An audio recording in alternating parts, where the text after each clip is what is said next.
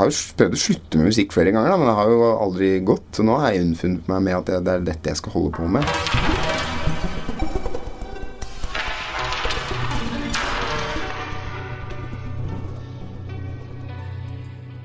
En dag så slutter det å ringe inn, og du må lage timeplanen din sjæl. Det er det en del som ikke fikser. Men i dagens episode av denne podkasten så skal du få høre eksklusive opptak av tre musikere som har klart å overleve der ute i samfunnet. Dette er lyden av framtida.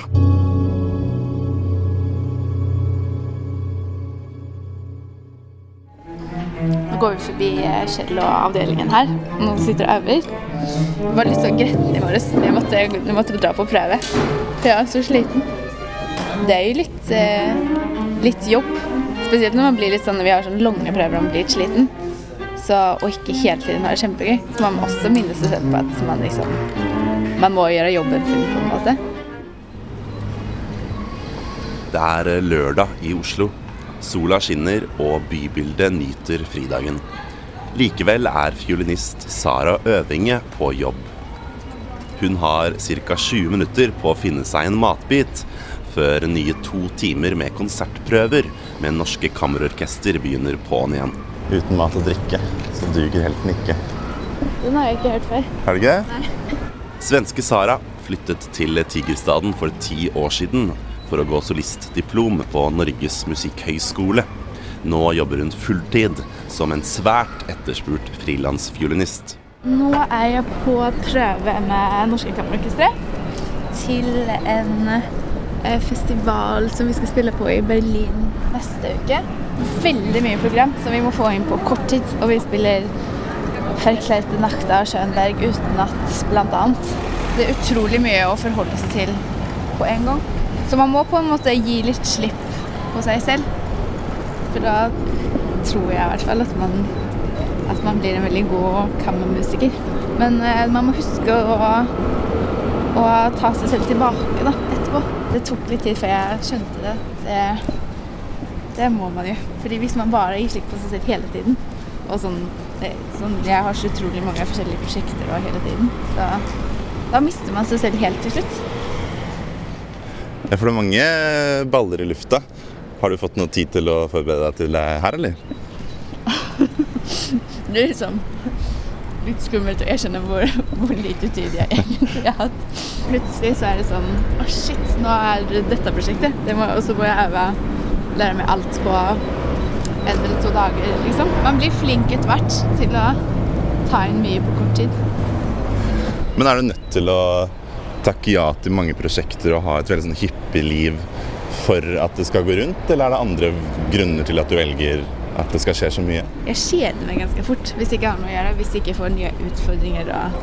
Jeg liker litt der, den der panikken som oppstår når man bare Jeg har litt sånn nesten umulige oppgaver. da. Shit, dette kommer jeg aldri til å klare. Og så klarer jeg det. Og så er det bare så sykt deilig følelse. Og så er det jo også fordi Altså, jeg må ikke jobbe så mye som jeg gjør, men jeg syns det er så gøy. Så det er veldig vanskelig å si nei. Jeg tror det er et sånn problem som mange frilans frilansmusikere opplever. Og sånn, det er vanskelig å si. Det er det med, balanse. Fordi plutselig så gjør jeg altfor mye, og så er det ikke gøy lenger. Fordi jeg blir så sliten.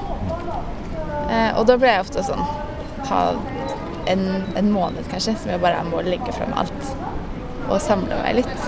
Og så er jeg på'n igjen.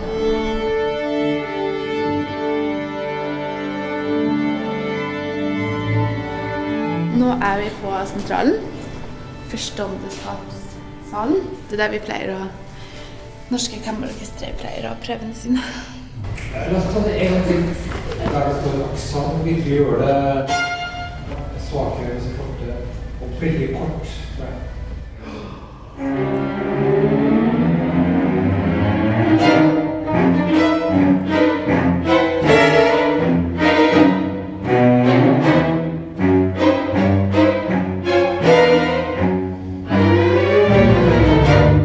Kompleks musikk, signert Per Arne Glorvigen, fyller den ærbødige gamle banksalen. Sara sitter med en konsentrert mine ved konsertmesterens høyre hånd. Hun har selv vært konsertmester, drømmejobben til så mange som andre konsertmester i operaen. Jeg hadde akkurat fått en datter. Hun var noen måneder gammel. Så tenkte at det var greit å ha litt sånn trygghet og økonomisk stabilitet. Jeg hadde alltid tenkt at jeg ikke skulle sitte i orkester. For det syntes jeg var litt kjedelig. det er jo liksom gå til det samme stedet og møte de samme menneskene. Og så føler jeg har sånn litt for stort ego, kanskje. For å sitte nede i en grav og liksom må, må anpasse meg så mye etter Altså det, det er så utrolig um, samarbeid da, mellom mellom orkesteret og de som er på scenen, og alt man skaper sammen. på en måte. Det er fantastisk å være en del av, men jeg har også så mye inni meg som jeg ikke får uttrykk der. Fordi det er ikke plass for det. Da innså jeg at ok, her Eller jeg begynte å sovne litt, følte jeg, i livet. Så tenkte jeg at nå må jeg, nå må jeg komme meg ut. Nå må jeg våkne igjen.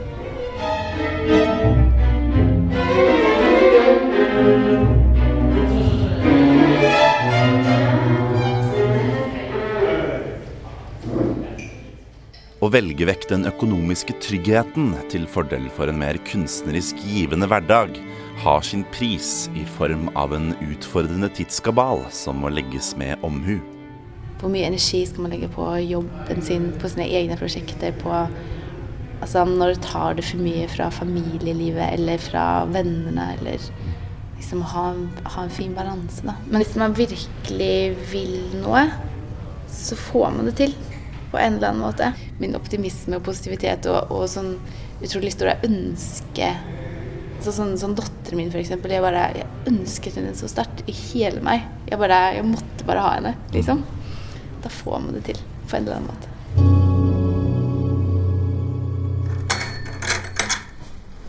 Aha, Marvin Gates.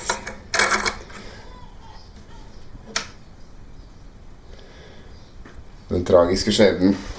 Skutt av sin egen far. Tenk deg det. Det er så vanlig historie, det greiene der. Jeg spraker, jeg. I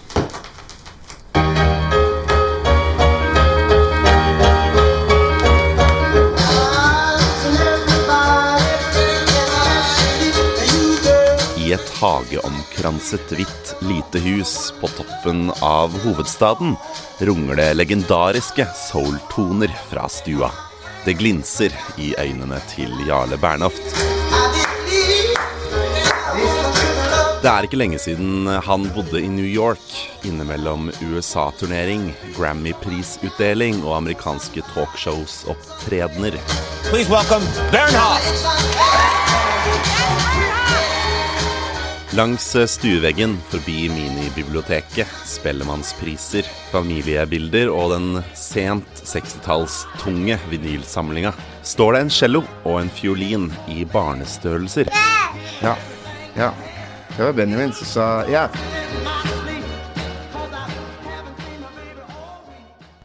Min eldste sønn, som er åtte år, han går liksom, kommer hjem og så setter han seg ned og så spiller han litt cello. Og så, og så går han over og så leker han litt med fiolin, og så setter han seg ned med gitar, og så har han et munnspill som han Altså han, er, han er sånn, han leker seg med musikk. da Det er ufattelig fint. Det er akkurat sånn som jeg håper sjøl. Når man ser seg selv i sine barn da, Med mindre man er mi- misfornøyd med seg selv da, på en grunnleggende, grunnleggende vis. Men jeg er jo ikke det. Nå er det pappaperm for sønn nummer to som gjelder for Soul-hodet fra Nittedal. Da hjelper det å ha en musikalsk snekkerbu i hagen. Nå skal vi inn i studio, studioet mitt. Dette er en gammel garasje. Så her har man kanskje fått plass til Fiat 500 gammel generasjon eller en Mini, men ikke så mye mer. Man skal være veldig glad i hverandre hvis man sitter hvis man er flere enn eh, to, f.eks. Så er det ikke så mye her, men det er alt det jeg trenger for å lage litt musikk. En lekestue istedenfor et studio som er litt mer eh, I hvert fall hvis det er sånn kommersiell drift og sånn, så må man tenke på penger og sånne ting. Får jeg øvd mye, jeg får spilt mye, lagd mye ting. Det er kort vei. Jeg Kan labbe ut hit etter å, etter å ha stått opp, liksom. Lage meg en kaffekopp, og så kan jeg lunte ut i slåbrok. Lage seg lunsj, så er det slipper man liksom utgifter til det. Etter at jeg hadde putta kiden i seng, liksom, så var det mobla at jeg ikke dro. Veldig kort vei fra idé til utførelse.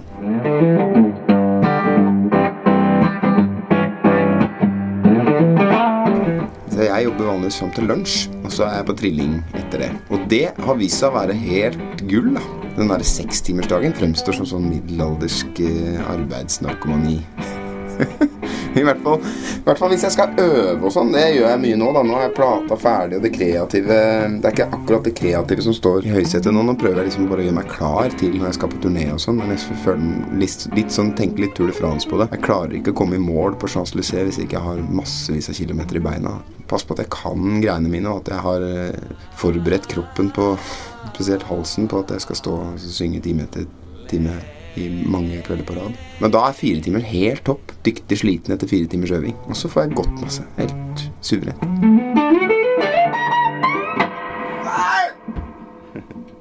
Det var ikke nok bånd. Det slår meg hvor intimt det er her. Men det er egentlig ikke merkbart i bua til jordnære Jarle. Han ser nostalgisk ut i rommet gjennom de signaturiske brilleglassene. Jeg ber ham mimre om de mer utfordrende dagene og aspektene ved artistyrket. Du må gi deg selv oppdrag. Og så er det ikke noe stabilitet i det. Fordi at enten så går det bra, eller så går det ganske dårlig. Man skal jo holde seg skjerpa, man skal holde seg motivert. Det er uh, mye reising. Det er jo ikke det best tilrettelagte for en familiefar. Jeg er jo relativt ambisiøs på dette familiefaget. Jeg har lyst til å være en bra far for kidsa mine. Jeg må gjøre noen kompromisser. Jeg kan ikke være borte så, så lenge av gangen. Jeg må finne noen sånne mellomløsninger som ingen egentlig er fornøyd med. og det er det å stå i en slags suppe av misnøye daglig uten å bli ødelagt av det, er kanskje min største utfordring. Da. Så jeg har jo prøvd å slutte med musikk flere ganger, da, men det har jo aldri gått. Så nå har jeg unnfunnet meg med at det er dette jeg skal holde på med. Sliding upstream from your California. And I know I Du gikk på Norges musikkhøgskole. Hvilken linje, og når var det her? Jeg gikk på jazz, pop, rock, ped. Jeg begynte der i 1996. Kom rett fra videregående. Gikk på jazzgitar og stort sett sang i rockeband når jeg ikke var på skolen. Så det var sånn veldig, for meg veldig schizofren tilværelse den tida jeg gikk der. da. Det er dritlenge siden. Herregud. Det er folk som er voksne nå, som, som spiller i fotball-VM og sånne ting, som er født etter det. Ganske snålt å tenke på.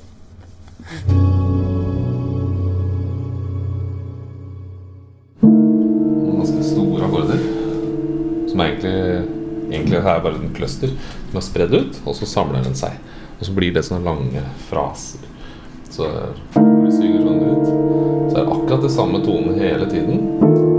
Så samler det seg mer og mer og mer. Det går mye saktere enn jeg spiller det nå, da. en vaskekte komponist viser meg hva han for øyeblikket jobber iherdig med. Men hvor jobber Jan Martin Smørdal? Jo, på Sagene. Pleier på å si at det er uh, livet mitt foregår bare innenfor en 500 meters radius. Alt skjer her. Så fint. Så bare tvinger alle samarbeidspartnere sånn til å komme til vakre Sagene? Selvfølgelig. selvfølgelig.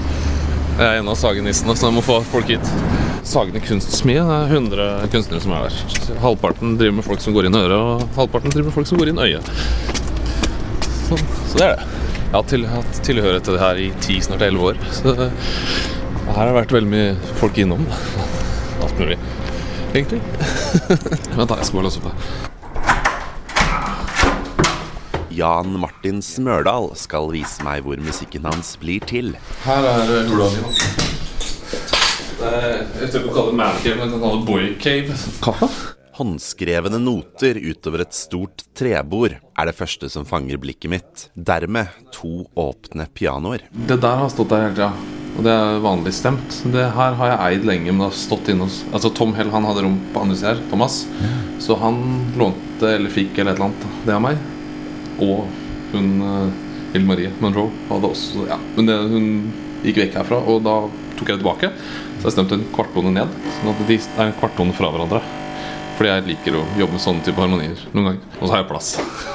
jeg endrer ut fra hva jeg jobber med. Holdt jeg på å si. Så jeg endrer jo stæsjet hele tida, egentlig. Skål. Skål, skål. Så her sitter du og uh, Ja, jeg sitter der og skriver på hånd. Der, der og gir ideer fram og tilbake sånn hele tida. Så jeg holder på med sånn, og så sitter jeg på dataen der. Jeg har egen pult. Som sånn stasjoner. Stasjonsskriv. det er egentlig det. Så er det dekorert med kunst fra Jeg har to tvillingjenter. Eh, Så de har en helt vanvittig produksjon. Det er litt inspirerende. For er det noen som produserer mye, så er det de.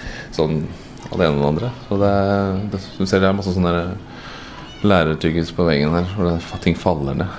For det er, klimaet på rommet her er ganske dritt. Det, men det er greit, for da kan jeg henge opp nye ting hele tida. Nei, jeg bare liker å ha masse boltringplass. Sånn, uh, har et svært bord. Jeg har uh, akkurat nå siste jobber med noen teksting og sånn, så jeg bare har masse ting liggende ut. Skisseark og alt mulig ut, egentlig. Akkurat nå så sitter jeg og holder på med faktisk et korstykke.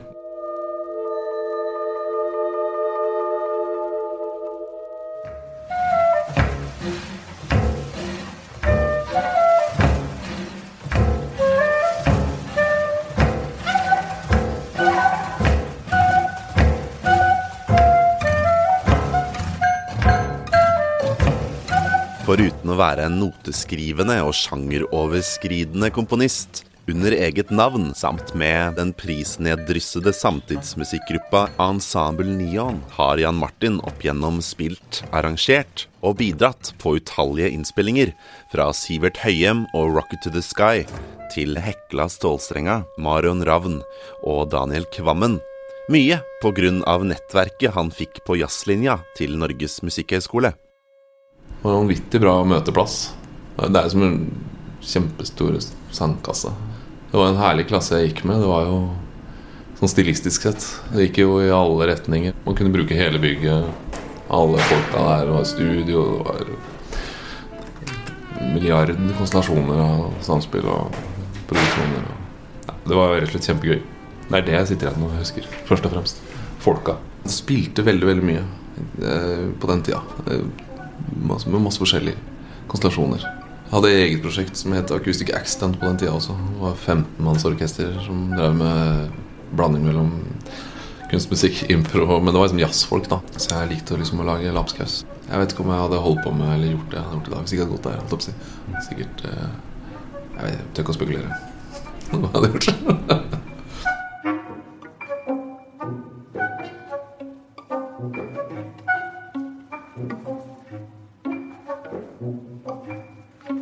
Så blir jo utfordringen å holde dette nettverket ved like når studentbobla sprekker og tematikken i Viggo Torgersen sitt Tenke sjæl blir en realitet. Det er ikke en cliffhanger, det er en clifffaller å slutte på studiet når man har vært der lenge. Det føles jo uansett som å falle ut i et gap. Hele den sosiale strukturen, ramma og alt det der er borte. Selv om de er der, så er de ikke fast. Det er ikke på ett sted. Det er ikke på samme Man møtes jo. Man tar en øl, man spiller. Man, som musiker så møter man folk hele tida. Men liksom, den fast, fastheten, den var borte, da. Den største utfordringa er jo å få ting til å gå rundt. Selv om jeg på en måte har opparbeida meg sånn at jeg har oppdrag hele tiden. Nå, i hvert fall. Det som jeg er veldig glad for og takknemlig for. Så betyr ikke at jeg er steinarik, holdt jeg på å si. Jeg har jo ikke like mye avspillinger som Kygo på Spotify. Naturlig nok, kanskje.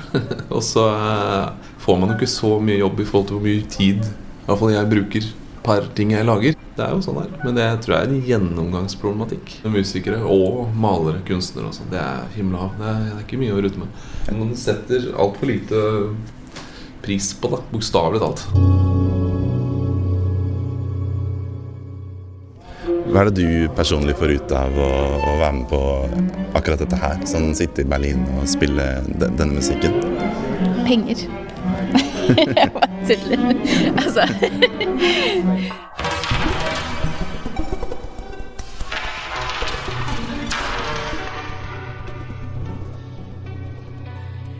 Første sesong av Lyden av er produsert av Filt Oslo for Norges musikkhøgskole. Produsent er Peter Daatland. Redaktør Kjetil Bjørgan. Reporter og klipper er meg, Einar Stray. Dykk inn i Lyden av-universet på lydenav.no.